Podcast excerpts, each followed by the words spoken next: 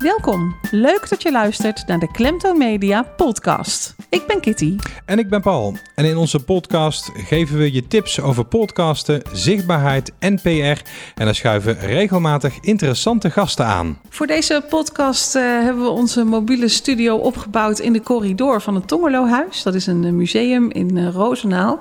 En uh, dat is, een corridor is eigenlijk een glazen gang waar we nu zitten. Je hoort het misschien ook een beetje galmen Beetje galmen, daardoor. ja, klopt. maar ja, goed, dat is wel mooi. We kijken uit over een hele mooie Tongerlo-tuin.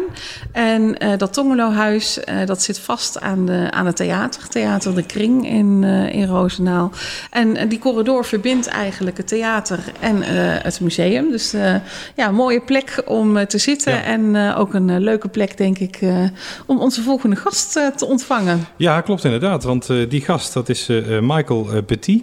Hij is marketeer bij, bij Markteffect. En ja, Michael, leuk dat je er bent. Ja, dankjewel. Ja, wij vinden het heel leuk dat jij te gast wil zijn in onze, in onze podcast. Nou, voor mij was het een eer om hier mijn debuut te mogen maken in de podcast. Voor ja. mij is het de eerste keer. Ja, voor alles moet een eerste keer zijn, toch? Dus, zo is uh, het. Ja, ja. leuk. Ja, wij gaan uh, wat vragen stellen uiteraard om, uh, om iets, jou iets beter te leren kennen.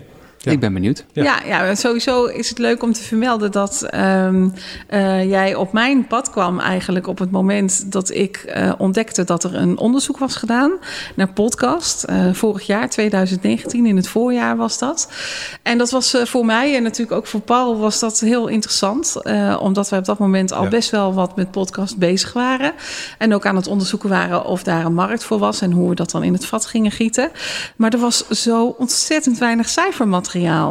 Dus we waren heel blij eigenlijk met dat onderzoek. En uh, zodoende kwamen wij met elkaar in contact. En uh, ja, toen bleek dat jij toch ook wel een beetje een podcast hart hebt, toch? Ja, dat klopt, uh, dat klopt ook wel. Ik ben er denk ik begin vorig jaar voor het eerst mee in aanraking gekomen. En um, wat je net al in de intro zei, ik werk voor Markteffect. We zijn een onderzoeksbureau. En als onderzoeksbureau duik je in cijfers en feiten en meningen van de Nederlander. En om, we hebben best wel veel vrijheid om, om dingen te kunnen doen en ook om ondernemend bezig te kunnen zijn. En uh, een van de dingen die ik me afvroeg, ben ik een van de enigen die zo gepassioneerd en gefascineerd is voor, over podcast? Of zijn er meerdere mensen? En toen hebben we de eerste versie van de Markteffect Podcast Monitor gelanceerd, waarin we eigenlijk het hele landschap over podcast um, blootgelegd hebben. En zo zijn we inderdaad in contact gekomen vorig jaar. Ja, inderdaad. Ja, ja leuk om uh, te zien dat er dan toch eindelijk wat cijfermateriaal uh, boven water kwam. En uh, nou, inmiddels heb je het derde onderzoek gedaan. Hè, want in het najaar van 2019 en ook dit voorjaar heb je een onderzoek gedaan naar podcasten. En ehm, ja, goed om te zien dat er inmiddels ook meer bekend is. Dat er ook meer cijfers zijn. Dat je, maar, maar die eerste keer dat je op zoek ging naar cijfers omtrent podcast.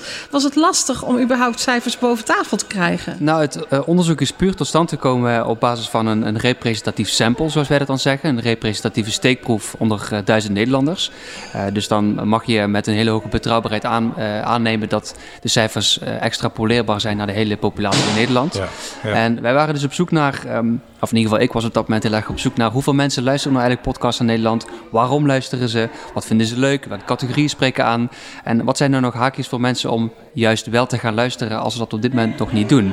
Ja. Dus um, nou, we zijn op zoek gegaan uh, allereerst naar de bekendheid. En het bleek dat zo'n driekwart van de Nederlanders destijds, dus dan hebben we het over mei vorig jaar, uh, bekend was met het fenomeen podcasten.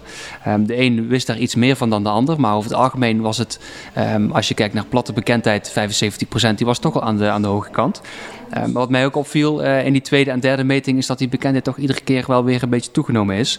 Uh, en, en, merk je dat nu bijna 90% van de mensen in Nederland toch al weet wat een podcast is. Ja. en ook het, het gebruik en het luisteren naar is heel erg gestegen. Dat was eerst ongeveer een kwart en nu al ruim 40% van de Nederlanders luistert wel eens naar een podcast. En ja. Ja. wel eens categoriseren wij als één keer in de maand. Ja, nou ja, dat betekent in ieder geval dat wij en ook andere podcast-experts ons werk goed gedaan hebben om de podcast zeker. bekend te maken bij iedereen. Zo is het. Het is een mooie ontwikkeling. Dus je mag wat mij betreft nog wel doorzetten hoor. Ja, en nog het, verder. Het, het, leuke is dat we die vraag ook gesteld hebben. Dus uh, wat verwacht je voor de toekomst? En uh, dan ga je op zoek naar wat men verwacht te gaan doen in de toekomst. En dan zie je dat, um, dat er nog best wel een groot percentage is, meer dan 30%, die aangeven dat ze in de toekomst nog meer verwachten te gaan luisteren naar podcasts dan ze op dit moment eigenlijk al doen.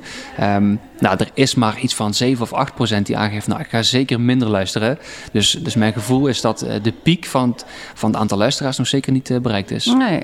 Ik heb zelf het idee gehad dat het in het begin uh, van de coronacrisis, hè, in maart, april van dit jaar, uh, dat er juist omdat er zo weinig woon-werkverkeer was, dat er even een dipje was in luistercijfers. Maar ook dat heeft zich wel weer hersteld, hè? Ja, ik had dezelfde aanname en dat blijkt ook wel redelijk te kloppen.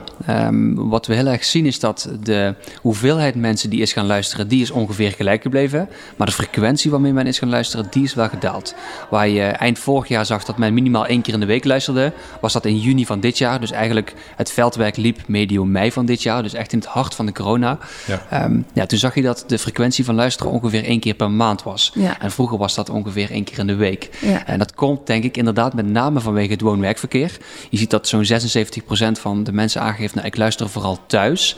Maar um, ja, ongeveer 6 op de 10 mensen geeft aan, ik luister vooral onderweg. Dus in de auto, in de trein, op de fiets of als je te voet gaat. Uh, en ja, dat stuk is natuurlijk met name wel weggevallen. Uh, dus ik denk dat um, men iets minder is gaan luisteren in frequentie. Maar de hoeveelheid mensen die luistert, die is wel denk ik gelijk gebleven. Ja. En waar is bij jou die fascinatie voor podcast ontstaan? Ja, dat is een goede vraag. Daar heb ik uh, over nagedacht. Want uh, ik ging ook reflecteren, waar is voor mij die voorliefde ooit begonnen? Um, en dat is ooit begonnen bij een uh, podcast die eh, MKB Brandstof ooit maakte mhm. over ondernemers. En eerlijk gezegd weet ik niet meer hoe dat die podcast precies heette. Misschien dat die zo meteen bij me te binnen schiet. Uh, maar dat waren korte verhalen van zo'n 20 minuten over um, hoe een ondernemer groot is geworden. Dus wat waren, zijn, wat waren zijn opstartproblemen? Waar loop je tegenaan als je groot wordt? En nu je al groot bent, wat zijn je struggles? Wat zijn je uitdagingen? En wat ligt voor jou de lat in de toekomst? En nou, ik ben zelf ook wel uh, ondernemend ingesteld, uh, vind ik van mezelf en denk ik zelf. Uh, dus die ondernemersverhalen die inspireerden mij wel om ehm, meer te gaan luisteren naar die verhalen. En dat was de eerste podcast die ik kende. En ik denk dat dat zo begin vorig jaar of misschien eind 2018 ongeveer geweest is. En in de auto luisterde ik veel naar, naar die verhalen van ondernemers. Van hele grote bekende bedrijven tot, tot start-ups die, um, die eigenlijk niet zoveel mensen kenden maar wel een heel mooi verhaal konden vertellen.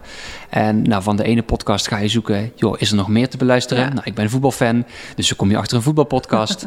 Vervolgens kwamen de, de true crime verhalen. Nou, en toen was ik helemaal verknocht. En iedere autorit uh, wist ik van tevoren, voor ik instapte, al van ah, die podcast ga ik nu luisteren. Okay, en soms uh, ben je op kantoor aangekomen en wil je nog even vijf minuten luisteren om het verhaal wat je luistert dan even af te luisteren. Heel bekend dan is het verhaal, podcast. Ja, Dan is het een goede podcast. en absoluut. ja, zo is het een beetje begonnen. Uh, ik denk zo'n twee jaar geleden ongeveer. Ja, en uh, om jou eens wat beter te leren kennen, als je jezelf of jouw interesses zou mogen samenvatten in uh, drie hashtags, welke drie zouden dat dan zijn? Uh, dan um, heb ik er eentje al benoemd. dat is hashtag ondernemen, mm -hmm. of ondernemend. dat is eigenlijk de eerste die, die wel bij me past. Um, de tweede zou zijn um, energiek. En de derde is sportief. Ik denk dat we, dat, ja. drie dingen zijn die mij wel zouden typeren. Ja. En waarvan ik denk dat anderen dus ook al bij mij zullen vinden passen. Ja, en dat ondernemend, hè, de eerste hashtag die je noemde, waar uitzicht dat in? In ieder geval in dat je op zoek gaat naar hoe ondernemers denken en wat, waar, waar ze tegenaan lopen.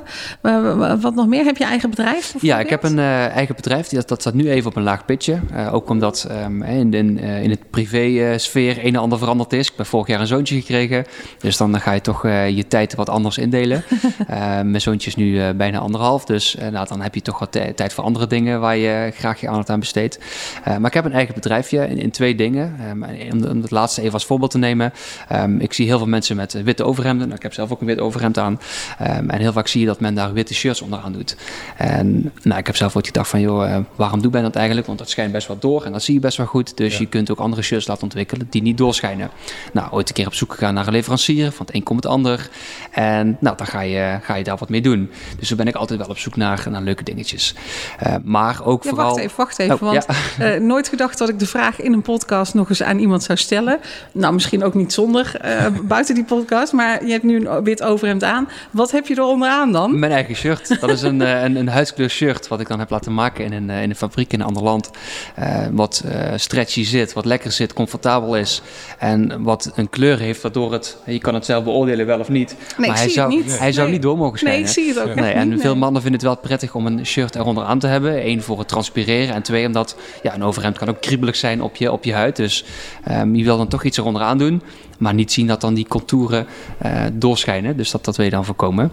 Um, maar dat heb ik, uh, ja dat begint dan als een hobby, dan ga je wat opzoeken.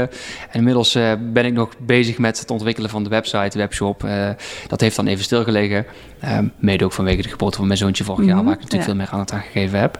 Dus ik verwacht dat binnenkort wel iets mee te gaan doen. Het heeft even stilgelegen, maar goed, ja, uh, ja. soms uh, komen andere dingen even op pad. Ja, dus de onzichtbare ontstaan... shirts die, die komen straks uh, ik hoop het. vanzelf voorbij. Ja, ik hoop het. Dat is wel mooi, want dat is gewoon ontstaan omdat jij zelf op zoek was naar iets wat je niet kon vinden. Precies. En toen dacht je van, nou, dan kan ik het zelf gaan Nou ja, helemaal maken. eens. Want ja. uh, mijn, mijn, mijn visie op dat soort dingen is dat uh, de beste ideeën ontstaan als je zelf ergens naar op zoek gaat om een bepaald probleem op te lossen. Ja. En dat probleem krijg je niet opgelost of niet opgelost op de manier zoals jij het graag zou willen oplossen. Dus er zijn wel andere shirts die dat kunnen, uh, maar die zijn of niet van de kwaliteit die ik graag zou willen, of die zijn stervensduur. Nou ja, um, iets wat je niet ziet, wil je daar veel geld aan uitgeven. Dus je zou eigenlijk naar een goedkopere oplossing willen gaan, maar het product moet wel goed zijn. Um, dus ja, dan ga je eens googlen, ga je eens zoeken, ga je eens contacten leggen. En van het een komt het ander. En voor je het weet heb je op je zolder 400 shirts staan, uh, al, al, anderhalf jaar, um, die ik nog moet gaan verkopen. Uh, maar waarvan ik wel merk dat als ik ze aan iemand geef, dat ze wel denken van, hé, hey, eigenlijk wel fijn spul. Waarom doe je er niet wat mee? Nou, dus uh, dat staat hoog op mijn lijstje. Ja, ja, ja, nou bij deze benoemd. Dus wie weet krijg je al vragen nou, wie over weet. Ja, kan precies. zomaar. Ja. Um, ja, en punt twee is wat je aangaf, wat, wat is het dan in je eigen werk? Um, we, ik werk als marketingmanager, dus ik ben verantwoordelijk voor alles wat we doen rondom exposure, communicatie, marketing uh, bij Market Effect. Um, we zijn een onderzoeksbureau, dus onze doelgroep is B2B. En nou, dan is het toch altijd wat, wat zoeken naar creativiteit, hoe je nou een, een, een marketeer van een ander merk kunt overtuigen van het product of dienst wat je levert. kijk, met, met Um, uh, consumentenreclame ga je, als je veel budget hebt, ga je makkelijker naar radio of tv. Uh, nou, wij hebben één, die budgetten niet. En twee, nou, is dat slim om te doen? Weet ik niet. Dus ga je op zoek naar andere manieren. Ja. En een van de dingen die mij dan fascineert, om het, het, het podcast voor, voorbeeld te, te nemen. Um, er zijn best wel veel partijen die um, iets met podcast doen of zouden willen, uh, of waar iets mee zouden kunnen. Um, en om je eigen positie als onderzoeksbureau sterk te maken, is dat je uh, leadership probeert te creëren. Dus wat is een interessant onderwerp? Wat was vorig jaar booming? Podcast. Dus Ja. wat doen we? Dan stellen we een podcastmonitor op, waarin we eigenlijk één, twee of drie keer per jaar een onderzoek uitvoeren ehm, na de podcast. En vervolgens delen we dat uh, document, die monitor, die delen we met onze relaties waarvan wij denken dat het interessant voor ze is. Dus één, ze krijgen informatie waar ze al dan niet iets mee kunnen. Uh, en twee, het is altijd weer even een goed contactmoment voor, uh, voor je mensen om met je klanten en relaties in contact te kunnen zijn. Ja. Um, en het, het fijne is bij um, de organisatie waar ik dan zelf voor werk, ja, je krijgt die vrijheid gewoon. Dus als je iets zou willen doen of iets wil toevoegen, als ik morgen bedenk dat ik iets voor ondershirts wil gaan onderzoeken, bij wijze van, is dat geen probleem en Ja. be my guest en, en maak er maar wat moois van. Oké, dus het is niet heel strak uh, dat jij opdrachten hebt van jouw uh, leidinggever, jij moet nou dit gaan doen. Nee, zelf helemaal ook met niet. ideeën Nee, komen juist. helemaal niet, precies. Ja. Ja, leuk. Ja, ik zag dat, ik zag dat uh, jullie klanten heel divers zijn. Eindhoven Airport, TomTom Tom zag ik. KNVB, loopt heel erg uiteen. Dus jullie, jullie hebben niet echt één bepaalde doelgroep. Nee, dat klopt. En um, misschien is ook daar wel weer leuk om het haakje te maken naar ondernemend. Um, de organisatie bestaat nu zo'n, um, ik moet zeggen, 13 jaar. Opgericht in 2007. Uh, en het leuke is dat we eigenlijk door middel van ook echt een on, uh, ondernemende geest ook, uh, ook hebben kunnen groeien. Dus je weet hoe het bij een start-up gaat. Um, in het begin pak je alles aan wat je aan kunt pakken. Je stroopt je mouw op en je, je gaat ervoor. Ja. Um, en eigenlijk hebben wij die, die ambitie en dat ondernemerschap nog steeds wel in ons. Dus ondanks dat we gegroeid zijn. Ik ben er ooit begonnen een jaar of tien geleden toen we met ongeveer vijf mensen zaten. Inmiddels hebben we een man of vijftig en hebben we ook een kantoor in Amsterdam met nog eens uh, 25 mensen. Dus de organisatie is heel sterk gegroeid de afgelopen jaren. En wat wij heel erg proberen te doen is ook zoeken naar kansen. Uh, of kansen die naar ons toe komen gewoon vast te pakken. En als je naar ons uh, afnemersveld kijkt. We hebben bijvoorbeeld een aantal sectoren waarin we sterk zijn. Uh, denk aan het onderwijs waarin we heel veel onderzoek doen. Um, maar ook bijvoorbeeld de FMCG, de sport, de zorg. en je creëert gedurende de jaren best wel, veel, best wel veel kennis en ervaring in bepaalde branches. En wat we dan doen is specifieke sectoren um, ja, vastpakken met een vast team. Die daar heel veel kennis en ervaring over hebben. Waarin je dus gewoon merkt dat je, als je daar focus op aanbrengt, je ja, best wel een hele goede sparringspartner kunt zijn voor de mensen aan de andere kant van de tafel. Ja, ja dus binnen het bedrijf hebben jullie teams die zich richten op de, op de zorgsector, op de uh, sportsector, op de uh, gewone algemene business. Uh, Precies. Ja. Oké, okay, ja. Ja, ja. ja. dat kan natuurlijk ook. Hè. Als je gegroeid bent, kun je ook teams gaan maken hè, en die zich op bijzondere sectoren richten. Ja, dat is het. En je hebt altijd ook onderzoeken die niet in een bepaald hockey te plaatsen zijn. Dus dat hoeft ook niet altijd. maar je, we hebben zo een stuk of zeven sectoren geclaimd waarin we echt wel heel veel onderzoek doen en heel veel repeterende opdrachten hebben. En die dus ook weten wat er van zo'n markt of van zo'n bedrijf of van zo'n marketeer, wat er nou gewenst is. Ehm, als, als onderzoeksbureau lever je onderaan de streep eigenlijk strategische inzichten waarmee een, um, een marketeer of een ondernemer of een communicatieadviseur keuzes kan maken hoe hij zijn strategie vorm gaat geven. Dat kan zijn of uh, wie is mijn doelgroep, waar moet ik ze vinden? Of het kan zijn, joh, ik heb een, een campagne gedaan op tv of radio. Wat heeft mij dat opgeleverd? En moet ik die campagne volgende keer weer inzetten?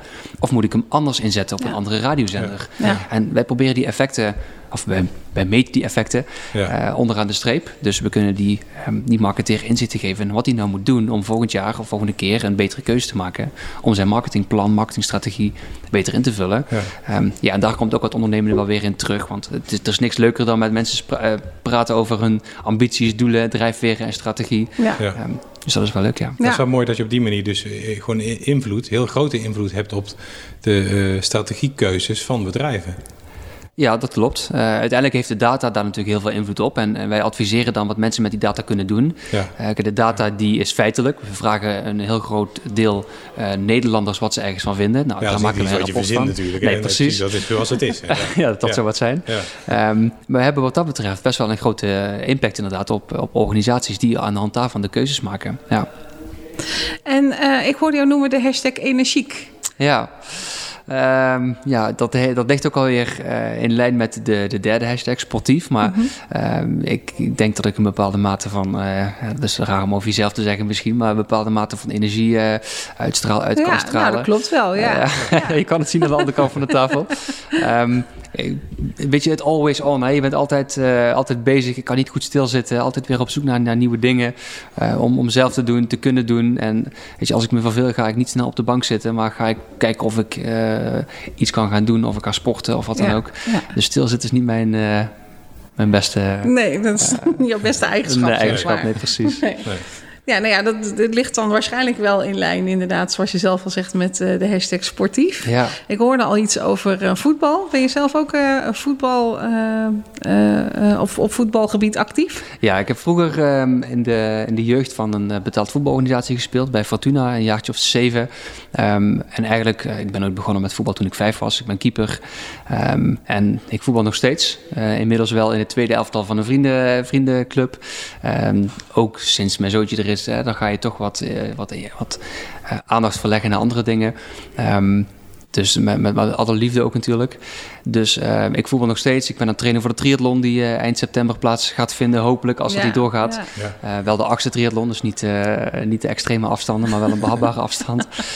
dus daar ben ik nu ook mee bezig inderdaad. En ja, sport is toch wel iets wat zowel beoefenen als volgen als kijken... toch wel als rode draad door mijn leven loopt. Ja. Ja, en luisteren dus ook. En luisteren, ja, absoluut. Ja. Maak je zelf eigenlijk ook een podcast? Nee, nee, nog niet. Hoe komt nee. dat?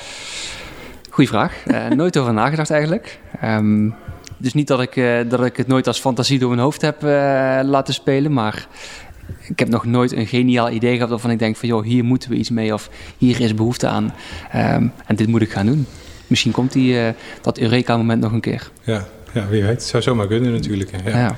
En wat ik dan ook leuk vind is natuurlijk de link tussen, de, de, uh, ja, dus tussen jouw drie hashtags. Hè, zeker de nummer twee en de drie, energiek en sportief. Ja, om, door, door sportief bezig te zijn blijf je energiek. En ja, je bent energiek, dus dat kun je dan weer in sport uh, stoppen. En zo blijf je, blijf je bezig. Ja, klopt. Ja. En ook ja, ondernemen voor ondernemen moet je ook energiek uh, en, en, sportief zijn natuurlijk. Want als je dat niet hebt, dan ja, ben je meestal niet, niet zo'n goede ondernemer, toch?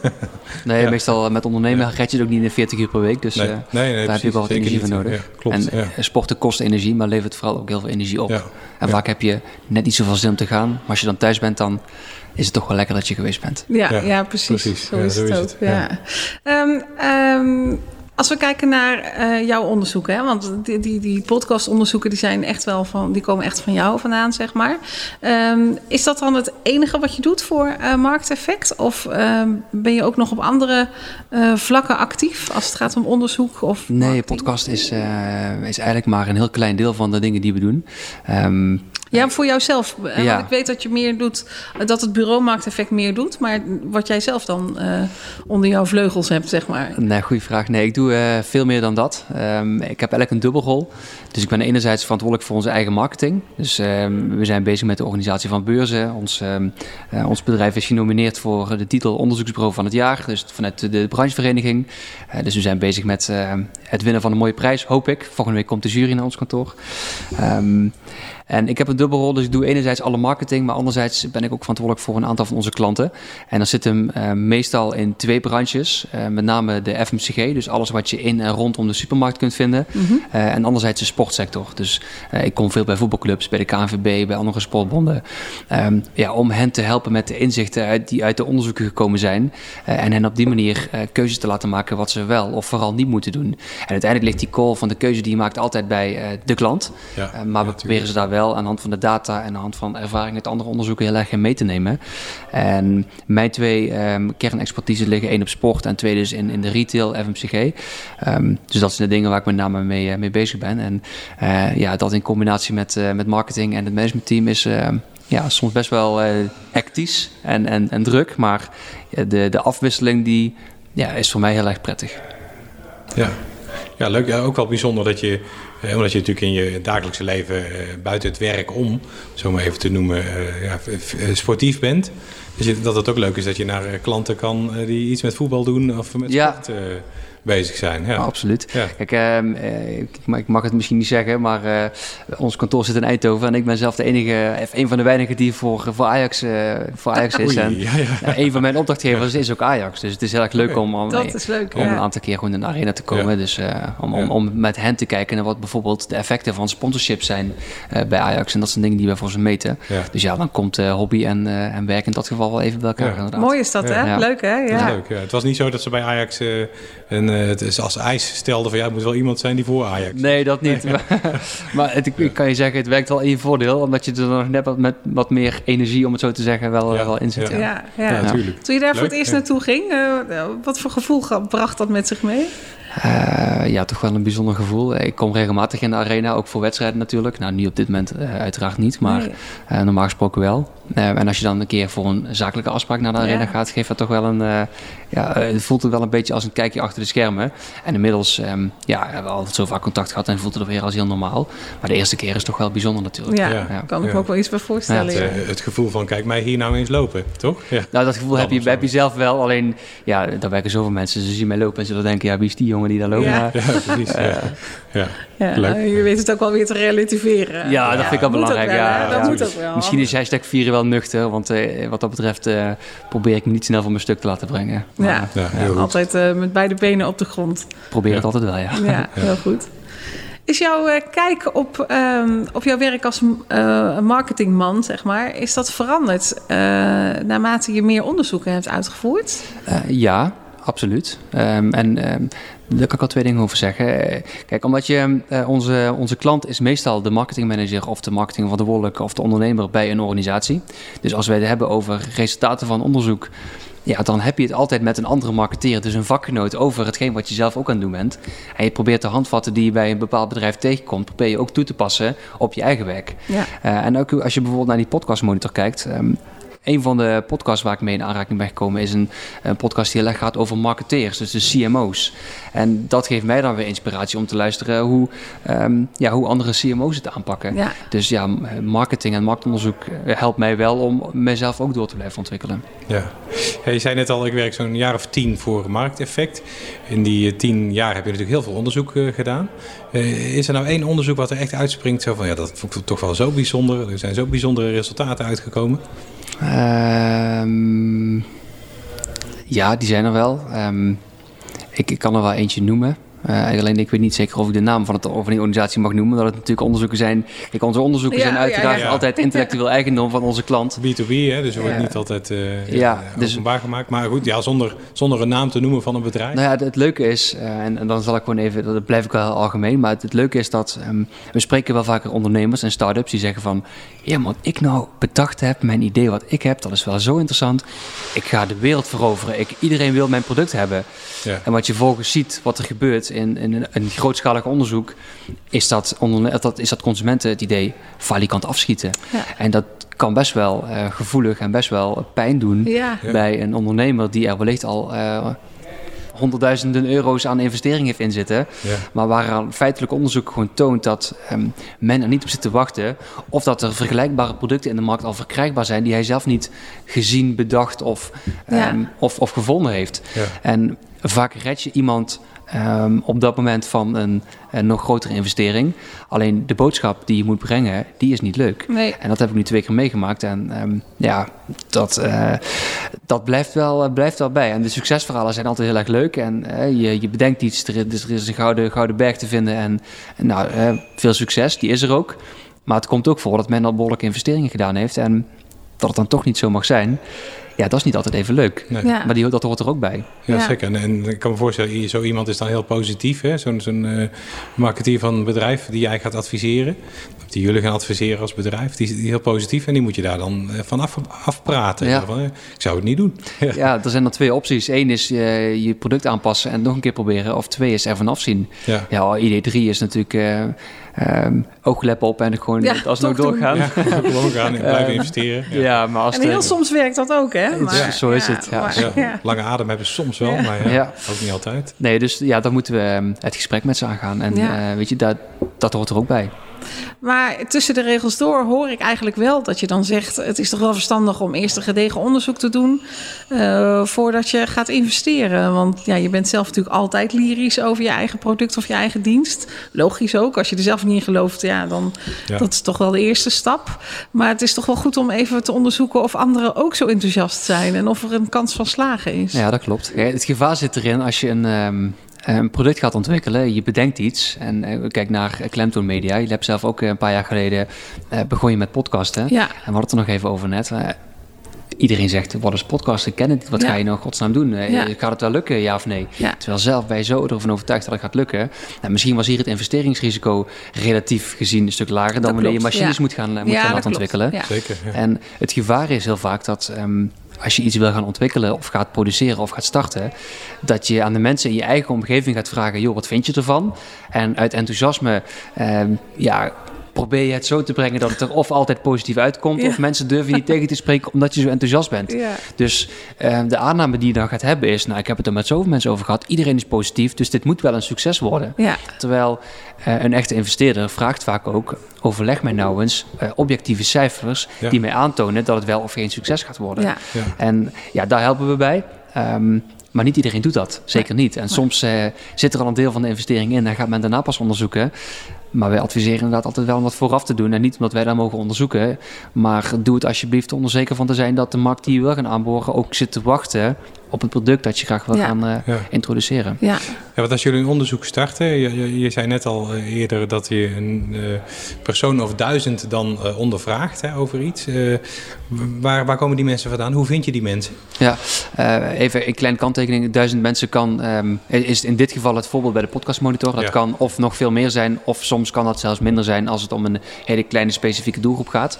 Ja. we zoeken in ieder geval altijd naar een representatief sample, een representatieve steekproef, waarmee we statistisch kunnen, kunnen zeggen dat deze resultaten ook representatief zijn voor de rest van de hele uh, populatie. Uh, klinkt even heel theoretisch, maar het valt op zich al mee. Het gaat gewoon puur om betrouwbaarheid. Ja. Um, we hebben zelf twee panels. Dus één is een consumentenpanel waarin we meer dan 2000, 200.000 Nederlanders hebben zitten. En die kunnen we eigenlijk elk moment van de dag kunnen we die ondervragen om hun mening te geven over bepaalde onderzoeken. Um, maar we hebben ook een B2B panel. Dus uh, ook voor businessvragen kunnen we een bepaald aantal respondenten werven die nodig zijn voor representatieve steekproeven. Ja. En we gaan altijd op zoek naar een bepaalde koper van een product. Dus als je het hebt over een introductie van een, um, uh, een product in de supermarkt, dan gaan we op zoek naar uh, kopers die dat product normaal gesproken ook kopen. Stel dat je een nieuwe type kaas gaat introduceren, dan gaan we zoeken naar een representatief steekproef van mensen die op dat moment ook al regelmatig kaas kopen, zodat je over die doelgroep iets betrouwbaars kunt gaan zeggen. Ja. En dat betekent dat je aan de voorkant heel veel mensen inlaat in die vragenlijst. Een aantal screeners opstelt. Dus men weet niet wanneer ze wel of niet door mogen in die vragenlijst. Dus als je aangeeft, ik koop bijvoorbeeld wel eens een van onderstaande artikelen, noem maar even kaas, dan mag je door. En als je binnen de juiste leeftijdscategorie valt, ik noem maar even iets, dan mag je door.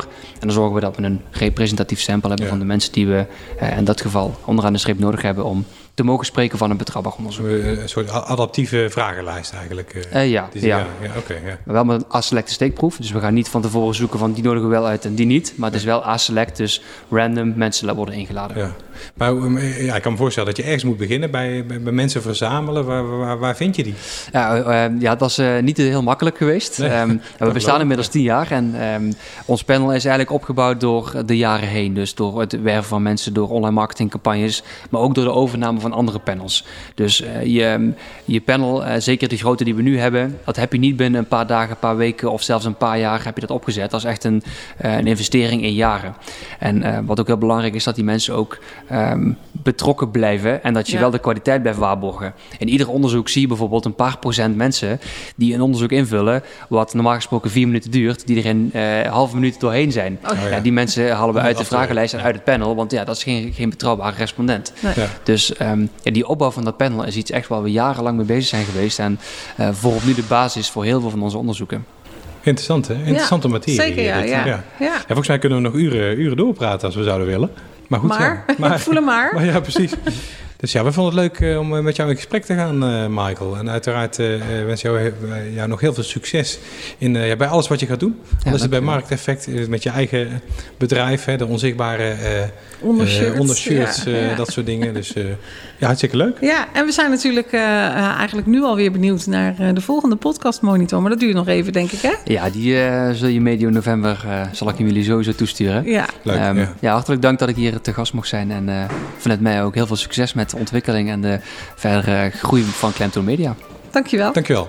Tot zover deze aflevering van de Klemtoon Media Podcast. Wil je ook een keer te gast zijn? Mail dan naar info.klemtoonmedia.nl. Kijk op onze website als je meer afleveringen wil beluisteren of als je op de hoogte wil worden gehouden van nieuwe podcasts. Je kunt je natuurlijk ook abonneren op de Klemtoon Media Podcast via jouw favoriete podcast-app. Wil je zelf gaan podcasten, jouw podcast promoten of jouw zichtbaarheid verbeteren? Kijk op klemtoonmedia.nl.